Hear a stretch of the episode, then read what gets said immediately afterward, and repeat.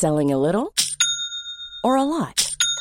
Shopify helps you do your thing however you cha-ching. Shopify is the global commerce platform that helps you sell at every stage of your business. From the launch your online shop stage to the first real life store stage, all the way to the did we just hit a million orders stage. Shopify is there to help you grow. Shopify helps you turn browsers into buyers with the internet's best converting checkout. 36% better on average compared to other leading commerce platforms because businesses that grow grow with Shopify. Get a $1 per month trial period at shopify.com/work. shopify.com/work. Wow. Nice. Yeah. What you're hearing are the sounds of people everywhere putting on Bombas socks, underwear, and t-shirts made from absurdly soft materials that feel like plush clouds. Yeah, that plush. And the best part? For every item you purchase, Bombas donates another to someone facing homelessness. Bombas. Big comfort for everyone. Go to bombas.com slash ACAST and use code ACAST for 20% off your first purchase. That's bombas.com slash ACAST. Code ACAST. When you're ready to pop the question, the last thing you want to do is second guess the ring. At Bluenile.com, you can design a one-of-a-kind ring with the ease and convenience of shopping online. Choose your diamond and setting. When you find the one, you'll get it delivered right to your door. Go to Bluenile.com and use promo code LISTEN to get $50 off your purchase of $500 or more. That's code LISTEN at Bluenile.com for $50 off your purchase. Bluenile.com code LISTEN.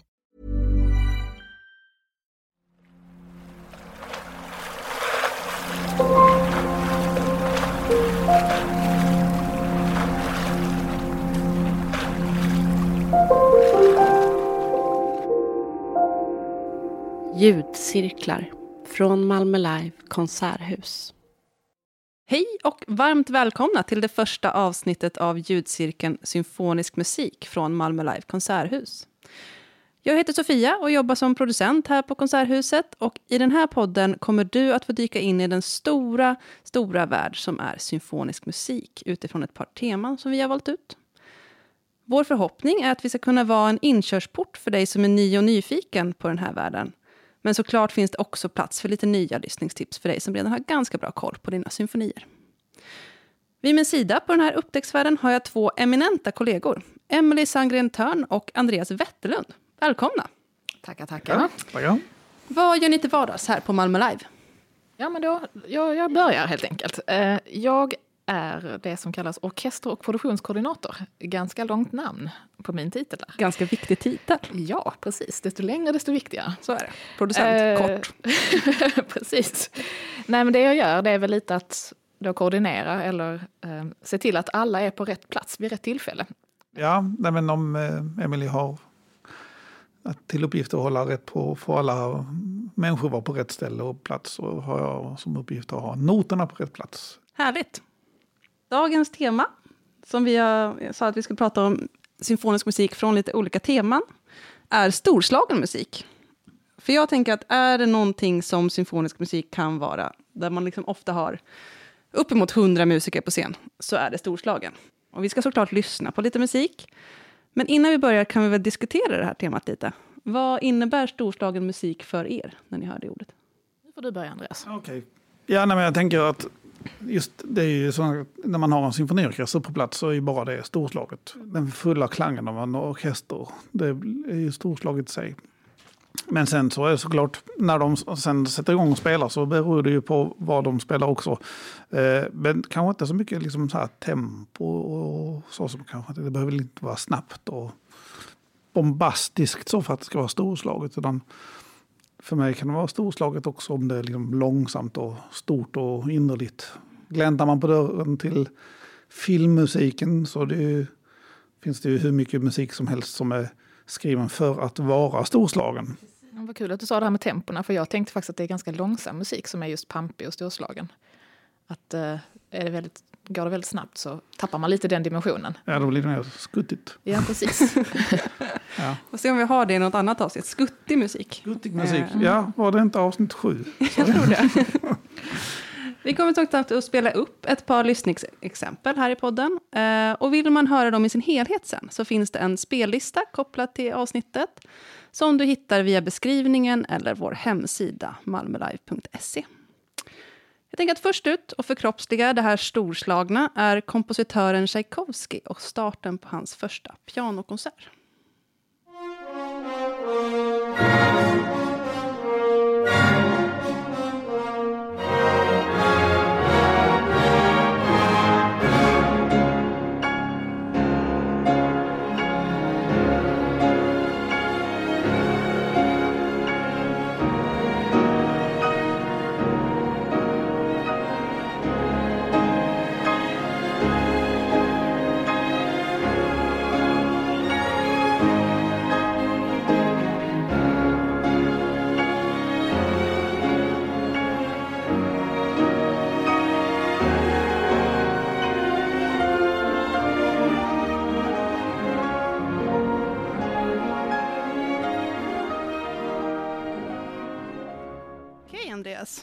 Vad hörde vi? Vem är Tchaikovsky och varför är det så mycket piano? Ja. Jo, Tchaikovsky var det ju då. Och det är ju pian mycket piano här för att det var hans första pianokonsert. Passar ju väldigt bra eftersom det är en pianist som är programledare för det här avsnittet. Jag tänkte att vi skulle hålla det lite hemligt, men absolut.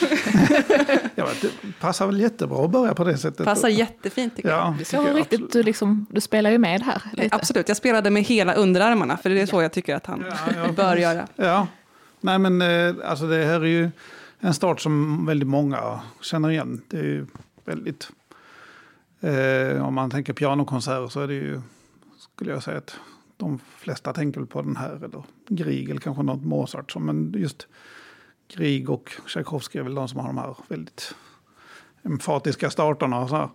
Sen kan jag väl säga att om man då säger pianokonsert, då menar man att det är en pianist som är solist med en orkester. Samma om det är en violinkonsert så är det en Ja, eh. Violinsolist. Ja. ja, och vi tycker ju att det här är ju, det här är ju fint och, och, just storslaget som, men eh, det var inte alla som uppskattade Tchaikovsky och hans musik då, utan till exempel han eh, Nikolaj Rubinstein heter han. Det kan... Ja, så heter, som eh, den skrevs för han, han tyckte att det här var vulgär musik. Han tyckte inte alls det här var någonting, det var ospelbart och det var inte snyggt alls. Kan ändå köpa att man tänker att det är lite vulgärt. Ja, jo, men det är ju väldigt så. Eh, och det var, och man kan också säga att han var ju inte den första som sa det om Tchaikovsky, utan eh, det var många som tyckte att Tchaikovsky han var, var skrev konstig musik. Och, istället för den ryska skolan där man skulle bottna i den ryska folkmusiken med en tonsättare som höll sig på den kanten så var Tchaikovsky lite själv på sin Mm. hörna och skrev sin musik. Men den blev ju rätt bra ändå. Mm. Eh, du då, Emily? Tycker du att det är vulgärt? Ja, på ett underbart sätt. Eller hur? Alltså det är svårt att inte charmas av det. För det är ju det som jag tänker på är ju mycket att det är ett stycke för någon med ett stort självförtroende. Mm. Här kan man inte komma in och smyga lite grann. Utan Nej. här, är det här kommer jag.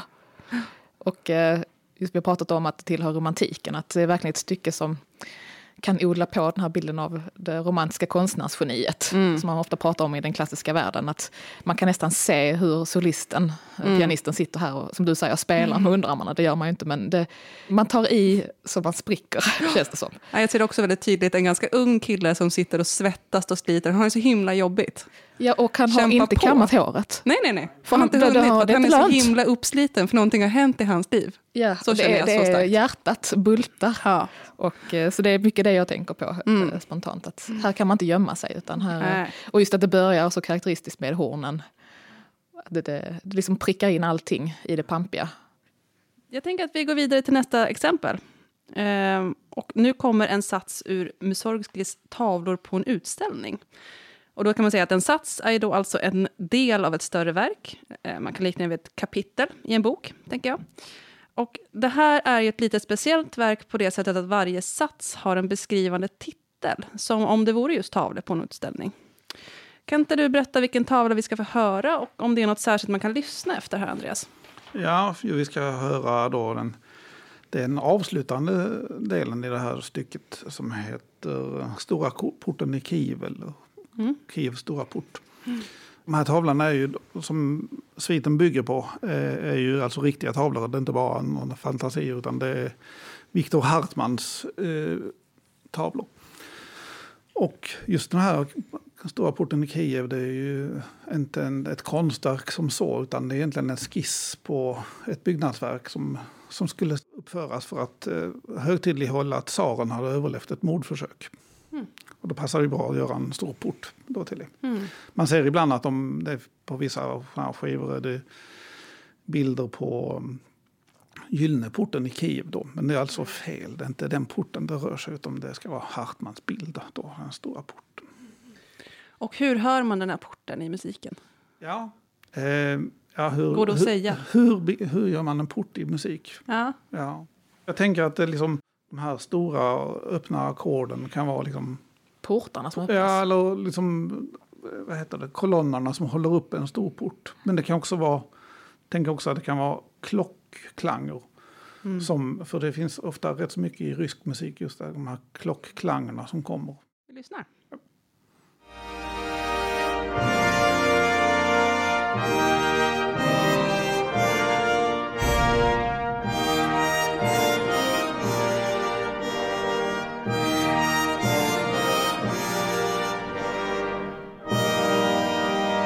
Det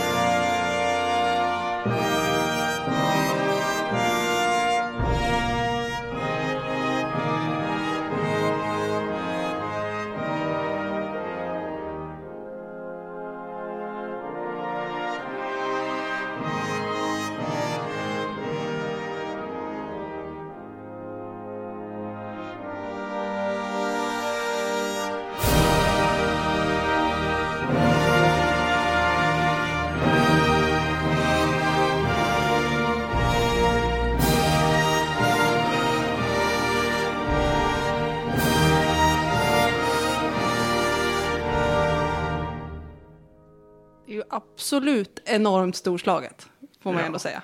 Tycker jag nog. Japp, check på den. Mitt i prick. Mitt i prick. ja. Hörde du klockor? Jag hörde klockor. Jag tycker man hör lite det här att hur porten öppnas och där står en jublande folksamling. Det är lite det jag Ja. tänker att Det roliga är ju att det här är också pianomusik från början och- och det är orkestrerat då utav. Mycket piano idag. Det är mycket piano. Konstigt. Tänka sig. Eh, för att det här, här är det ju orkestrerat av eh, Ravel, Maurice Ravel. Som ju var väldigt bra orke, eh, orkestratör får man ju säga. Jag skulle säga att de flesta som hör originalet med piano tänker nog varför spelar de den på piano? Det är ju orkester det här. Eh, så att det, ja. Men det här med att den har en så liksom, tydlig titel. Tycker ni om när musik har det? Är det Ibland. lättare att... Ibland, ja. Ja. Jag tror också att kanske jag och Andreas är lite samma skola där. Jag vet inte, jag, för mig, det kan absolut tillföra någonting. Det kan vara både... Det är ju aldrig så att det, alltså, det är aldrig så jag stör mig på att det finns en titel på det. Men sen kan det vara mer eller mindre krystat. Men eh, jag tycker det inte är, det är inte riktigt det som är det viktiga. Men ibland kan det ju leda en in rätt. Mm. Eh, Man får andra, man får upp bilder i huvudet. För mig hjälpte det väldigt mycket i början tycker jag. Att jag hade lättare att ta till mig musik om jag kunde få så här, jaha, men du har tänkt att det här är Gyllene sköldpaddor. Mm. Toppen. Den har jag inte hört. Jättefint. Borde Det är ett pianostycke, vi behöver inte ta det i den här cirkeln. Ta det i min Sofias pianocirkel som Ja. kommer i en annan säsong. Jag tycker väl mer att man, mer än att det behöver vara en bild, så tycker jag om att veta ungefär vilken tid stycket skrevs. Och Mm. så man kan, även om man inte kan relatera det till en bild, liksom en direkt tavla, så vill man veta vad som hände i världen just då. För oftast kan man ju få väldigt mycket, en helt annan förståelse för musik när man kopplar det till den konsten som gjordes. Eller de, de böckerna som skrevs, eller historiska händelser. Men det är ju inte det som är programmusik, utan Nej, precis. Och det är ju då ordet för när man har satt ofta en titel, så är det programmusik. det Ja, kallas. ja, precis. Om man säger att den här musiken handlar om det här. Alltså att musiken har ett program helt enkelt. Heter ett stycke bara symfoni så kanske inte musiken så handlar om någonting. Utan då Nej. är det liksom mer musik för sig själv. Den har inte ett... Musikmusik. Ja, precis. Just det. Ja, det fanns ju två olika läger. ja, Det ja. här med någon som tyckte det var helt förkastligt, pinsamt och banalt att skriva till just programmusik. Mm. Så där var de ju ändå två skolor. ja. Musiken skulle stå för sig själv, Ja. tyckte vissa. Nästa stycke som vi ska höra har rubriken personlig favorit. Och idag är det du Andreas som har fått välja ditt pampigaste stycke. Ja, Vad blir det? ja, det är ju inte lätt att välja ut en sak. Men jag tänkte mer att eh, man kan välja något som, passar just in på det här väldigt storslagna och just ta i ordentligt och välja liksom någonting som riktigt sväller över på över alla breddar. Det är ju väldigt stor orkester. Det är fyra flöjter, fyra oboer, fem klarinetter, fyra fagotter, tio horn, tio trumpeter, fyra tromboner och en tuba. Två harpor, massa slagverk. Och Trångt. Eh, det blir trångt. Och så har man då till detta också en väldigt stor kör. Eh, kören ska ju vara så stor så att bara männen låter som en fullmanskör. Så att det får vara en rejäl kör. Och så är det då en sopran och en altsolist med också på det här. Eh, är ju- då blir det ju väldigt storslaget. Men i stycket då här, som jag, jag har inte sagt vad det är för något. Det är, Mahlers- någon som har gissat? Extra besättningen. Nej, men det är ju Mahlers andra symfoni. Hans tanke är också väldigt storslagen där. Det ska ju liksom inte bara vara musiken, utan det, musiken ska spegla något större. Det är nästan programmusik där också. Att det ska spegla liksom, livets fortsättning efter döden och sen återfödelse. Så att den heter ju återfödelsesymfonin också. Han valde det Eh, lilla temat. Han valde det lilla temat. Han vill liksom spegla, han står, någonstans han liksom vill spegla universum. Mm. Det är ju storslaget, Storslaget. får man ju ändå säga. Vi kliver direkt in i musiken då. Hopp.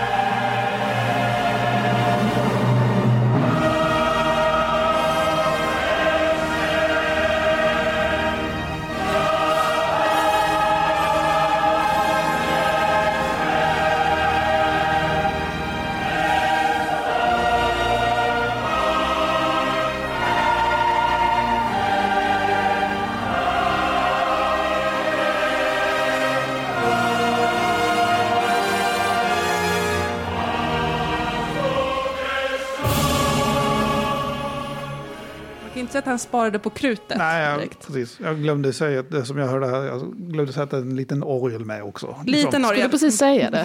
Oj, den glömde du. Ja, nej, men den, eh, ja, det är ju inte dumt det där.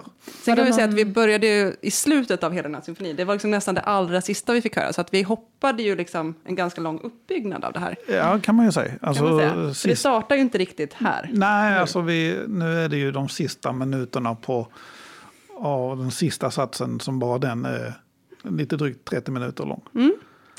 För mig är det lite elefanten i rummet ibland när det gäller den här typen av musik. Att, som du sa så är ju bara den här satsen är 34 minuter lång. Om du ska lyssna på hela symfonin så är klockan in på en timme och 20 minuter. Jag är lite otåligt lagd. För mig är det liksom inte helt enkelt om jag ska ta mig an någonting som är så här, det är en lång film. Hur, hur lyssnar man på det här? Får man lyssna i bakgrunden? Eller hur, hur gör man? Man får lyssna precis som man vill. Ja. Det tycker jag vi ska göra klart en gång för alla. Ja. Man får lyssna på, i bakgrunden, man får ha det i bilen, man får Ja. ha det i bastun. Då ska Mm. man se lite hur det är med sina electronic devices. Det är det enda man ska kolla upp då. Men vi kan väl göra det klart en gång för alla, man får lyssna hur man vill. Men jag vet inte, jag, jag brukar försöka närma mig de här långa symfonierna. Nu älskar jag Mahler, jag älskar hur han arbetar med orkestern och hur han får den till att låta. Och eh, bara det här stycket, jag tror alla vi tre satt och hade gåshud. Men, men ibland är man trött. Eh, man, jag har svårt att hålla uppmärksamhet så länge, men jag brukar försöka se det som en, en meditation. Mm. Dit att man sitter i, speciellt, och det är framförallt en liveupplevelse. Jag reder inte ut att lyssna på det på skiva. Nej, inte jag heller. Men nej, det, det, då är det något som kommer emellan. Och även när jag lyssnar på det live så har jag inte förväntningen heller på mig själv att jag ska sitta där fokuserad på musiken i en timme och 20 minuter. Utan då, jag tycker att mm, lite av det som är härligt med att vara på en konsert är att tankarna kan få spinna runt lite. Alltså man tar ju in musiken, man tar in upplevelsen, men att det får leda en lite i en härlig stund. Där Ja. man inte kan sitta med mobilen. Nej. Nej, Nej, precis. men man sjunker ju liksom in i det. Jag menar, det är ju, det är ju, alltså är det en långsam sats om man liksom ja, somnar till. Det behöver ju inte vara bara pinsamt. Det kan ju också, vara just att man kommer in i musiken. Jag menar, lyssnar jag på musik så märker man ofta att man kan ju räcka med att man sitter och läser partitur ibland, att man liksom börjar andas med musiken. Mm. Att liksom man eh, kommer så in i musiken, kanske låter lite nörd, nördigt. Ja. Jag tycker också mycket att man ibland, när man sitter och, och tittar på sånt här live, att man kan... Jag brukar alltid titta på alla de olika instrumentalisterna i orkestern. Och se lite vad de håller på med. Mm. Hur har ni det i oboe? Är det svårt nu eller? Eh, Vad röd han är. ja, precis. Oj, nu börjar han Oj, nu ramlar armen av på andra fiol. För de har spelat jättemycket snabba toner. Ja. Och nu är du trött, nu tänker du på vad du ska äta till middag sen. Eh, Speciellt slagverket tycker jag är ett bra tips att titta på. Eh, Ja. För de går runt, det tänker man inte alltid på. De är, de är smidiga de rackarna. Ja, de- Men eh, det brukar vara kul att titta Ja. på. Ja. Om man zoomar ut från just musiken. Ja. Och mer tittar rent tekniskt, vad gör musikerna? Ett bra tips från oss är helt enkelt gå och lyssna live Ja, på absolut. saker. Och var inte så rädd om det är någonting som man inte känner igen. Och liksom Nej, sådär, och tycker utan- du en bit är tråkig, ja, då, kan, då tyckte du så. Mm. Och man får också gå i pausen. Det är ett tips från mig som inte alltid orkar. Nej, men det är ingen timmar. paus i ett sånt här stycke. Nej, men om, Så om du är man fast. skulle vara på en konsert där det finns en paus, man får gå hem då. Ja. Man får säga så här, vad kul det var, en timme. Det är mitt bästa tips faktiskt. Ja, jag håller med, den är inte dum. Nej. Man kan just, just det här, um, om man vill se, uppleva den här Mahler-symfonin just så, eh, vi, nu hörde vi ju eh, Claudia Bardo som dirigerade Luzern. Den finns ju också på så man kan eh, se den. Det är lätt att hitta på YouTube ehm, eh, från Luzern också.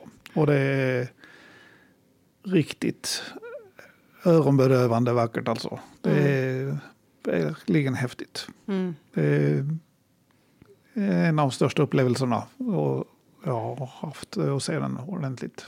Ja, Och just så, konsertupplevelser på filmad konsertupplevelse. Mm. Överhuvudtaget Abardo och Luzern är fantastisk. Tchaikovsky som vi hade innan, om man lyssnar på hans sjätte symfoni med Abardo och Luzern. Det är öronbedövande tystnad i slutet, får man verkligen säga. Det är knäpptyst i en minut säkert. En hel och konsertsal som bara vibrerar av tystnad. Det är mäktigt alltså. Ja, Du gillar Abado, eller?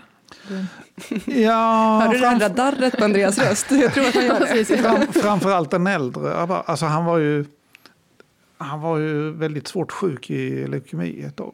Vad jag för mig det var leukemi. Eh, den yngre, jättebra också.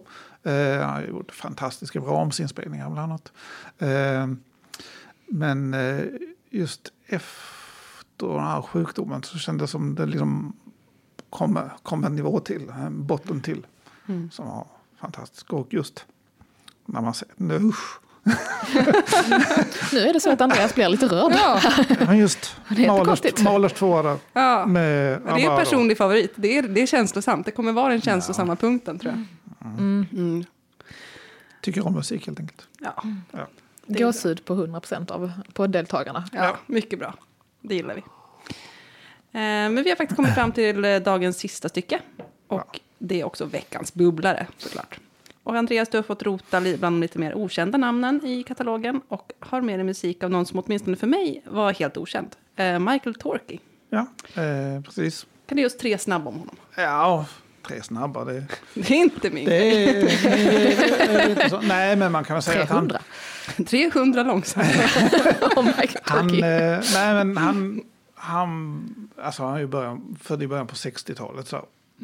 Eh, och började någonstans i jazzvärlden så. Och gick mer och mer mot det symfoniska. Han, folk är ju glada i att sätta etiketter på musik. Och, eh, han har kallats liksom minimalist och postminimalist. Och så. Men man kan också bara säga att det är himla god musik. Alltså han, just i det här stycket då, eh, Javelin så är det ju ja, alltså man, gillar man John Williams till exempel så Som har skrivit Star Wars-musiken Ja, till exempel. precis. Eh, mycket filmmusik. Så, så är det ju, kommer man att gilla Michael Torkey, tror jag. Vi lyssnar. Japp.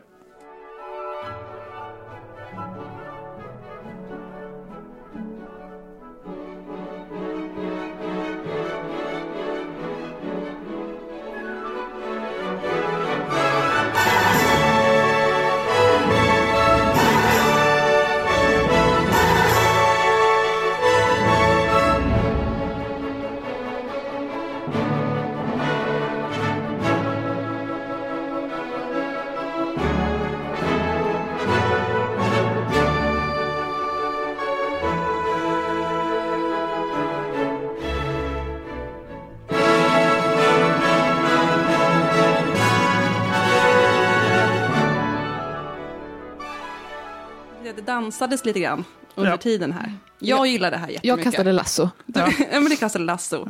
Jag får en superstark känsla av att flyga på Lyckodraken i den oändliga historien. Ja. Om har sett den filmen. Det är, det är ju just, Javelin är ju spjut. Alltså, Ja. så det, det är ju ett spjut som flyger genom- luften. Liksom. Känn, eh, upplevelsen av flygturen. Liksom, så Eh, så att det passar ju jättebra med den flygande. Då. Ja.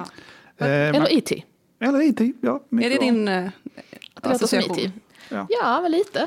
Ja, nej, men eh, just... Något som flyger. Alltså, eh, man hör att det är något som flyger. Ja, Mm. så, Och det är ju storslaget att flyga. ja. Ja. Är det så enkelt att ens associa- association? Jag, just den här är för mig inte så storslagen. Nej. Men, han eh, För mig är känslan av att jag flyger storslagen. Ja, jag det tror är sant. att det är där jag Men, någonstans... men den skiljer sig från de andra lite. Ja. Den här är lite raskare i vissa. Precis. Alltså som man hör det här rörliga som ligger Ja. i träblåset. Mm, absolut. Så den Men har det liksom blir lite som- annan karaktär. Man kan också, alltså beror på vilket, om man lyssnar på detaljerna eller om man går ett steg tillbaka Mm. och lyft, lyssnar på gesterna, de stora gesterna, så blir det Mm. ju liksom storslaget i, i det. Man kan ju också säga, alltså Torky, han har ju skrivit annan musik som inte är bara så här, utan han har eh, gjort en stor svit som heter eh, Color Music, som är väldigt häftig. Väldigt bra. Han är, har synestesi, så han har, kopplar eh, ljud och eh, Färger. färger, och mu- musik. Jag vill jättegärna veta vilken färg det här är för honom. Precis, är detta en av dem? Eh, nej, det här är inte en av dem. Men om man har Eh, synestesi det- så är det väl en färg ändå? Ja, jo, nej, men han har säkert upplevt en färg till här. Men, men, Jag tror grön. Men, du Jag tror gul. Jag tror, Orange, gul. jag tror, jag, jag tror en, him, en blå, himmelsblåsa, man ser liksom spjutet flyga mot himlen. Är det någon här som har den här Nej. egenskapen som jag inte ens vågar mig på att Jag säga? skulle väldigt Synestesi. vilja ha. För eller jag upplever ofta färger men det är inte på det sättet tror jag. Nej, jag tror nej men, det eh, men eh, just de här, han har ju någon som heter Ash till exempel. Är det någon, eh, och Orange och lite Bright Blue Music. Det är värt att lyssna på. Stort tack för idag. Eh, Tack själv. För dig som lyssnar och vill diskutera vidare om musiken i det här avsnittet så finns det en Facebookgrupp som heter Ljudcirklar symfonisk musik. Du hittar den genom att söka på namnet på Facebook eller så kan du klicka dig vidare från malmölive.se. Där kan ni förutom att prata vidare om storslagen musik även ställa frågor till oss eller kanske komma med egna musiktips. Om två veckor kommer nästa avsnitt och då är det tårdrypande musik som gäller. Ses då! Hej då! Hej då! Bye. Du har lyssnat på ljudcirklar från Malmö Live Konserthus, symfonisk musik. Producent var Sofia Nilsson, tekniker Mikael Körner. Ansvarig utgivare är Karin Karlsson.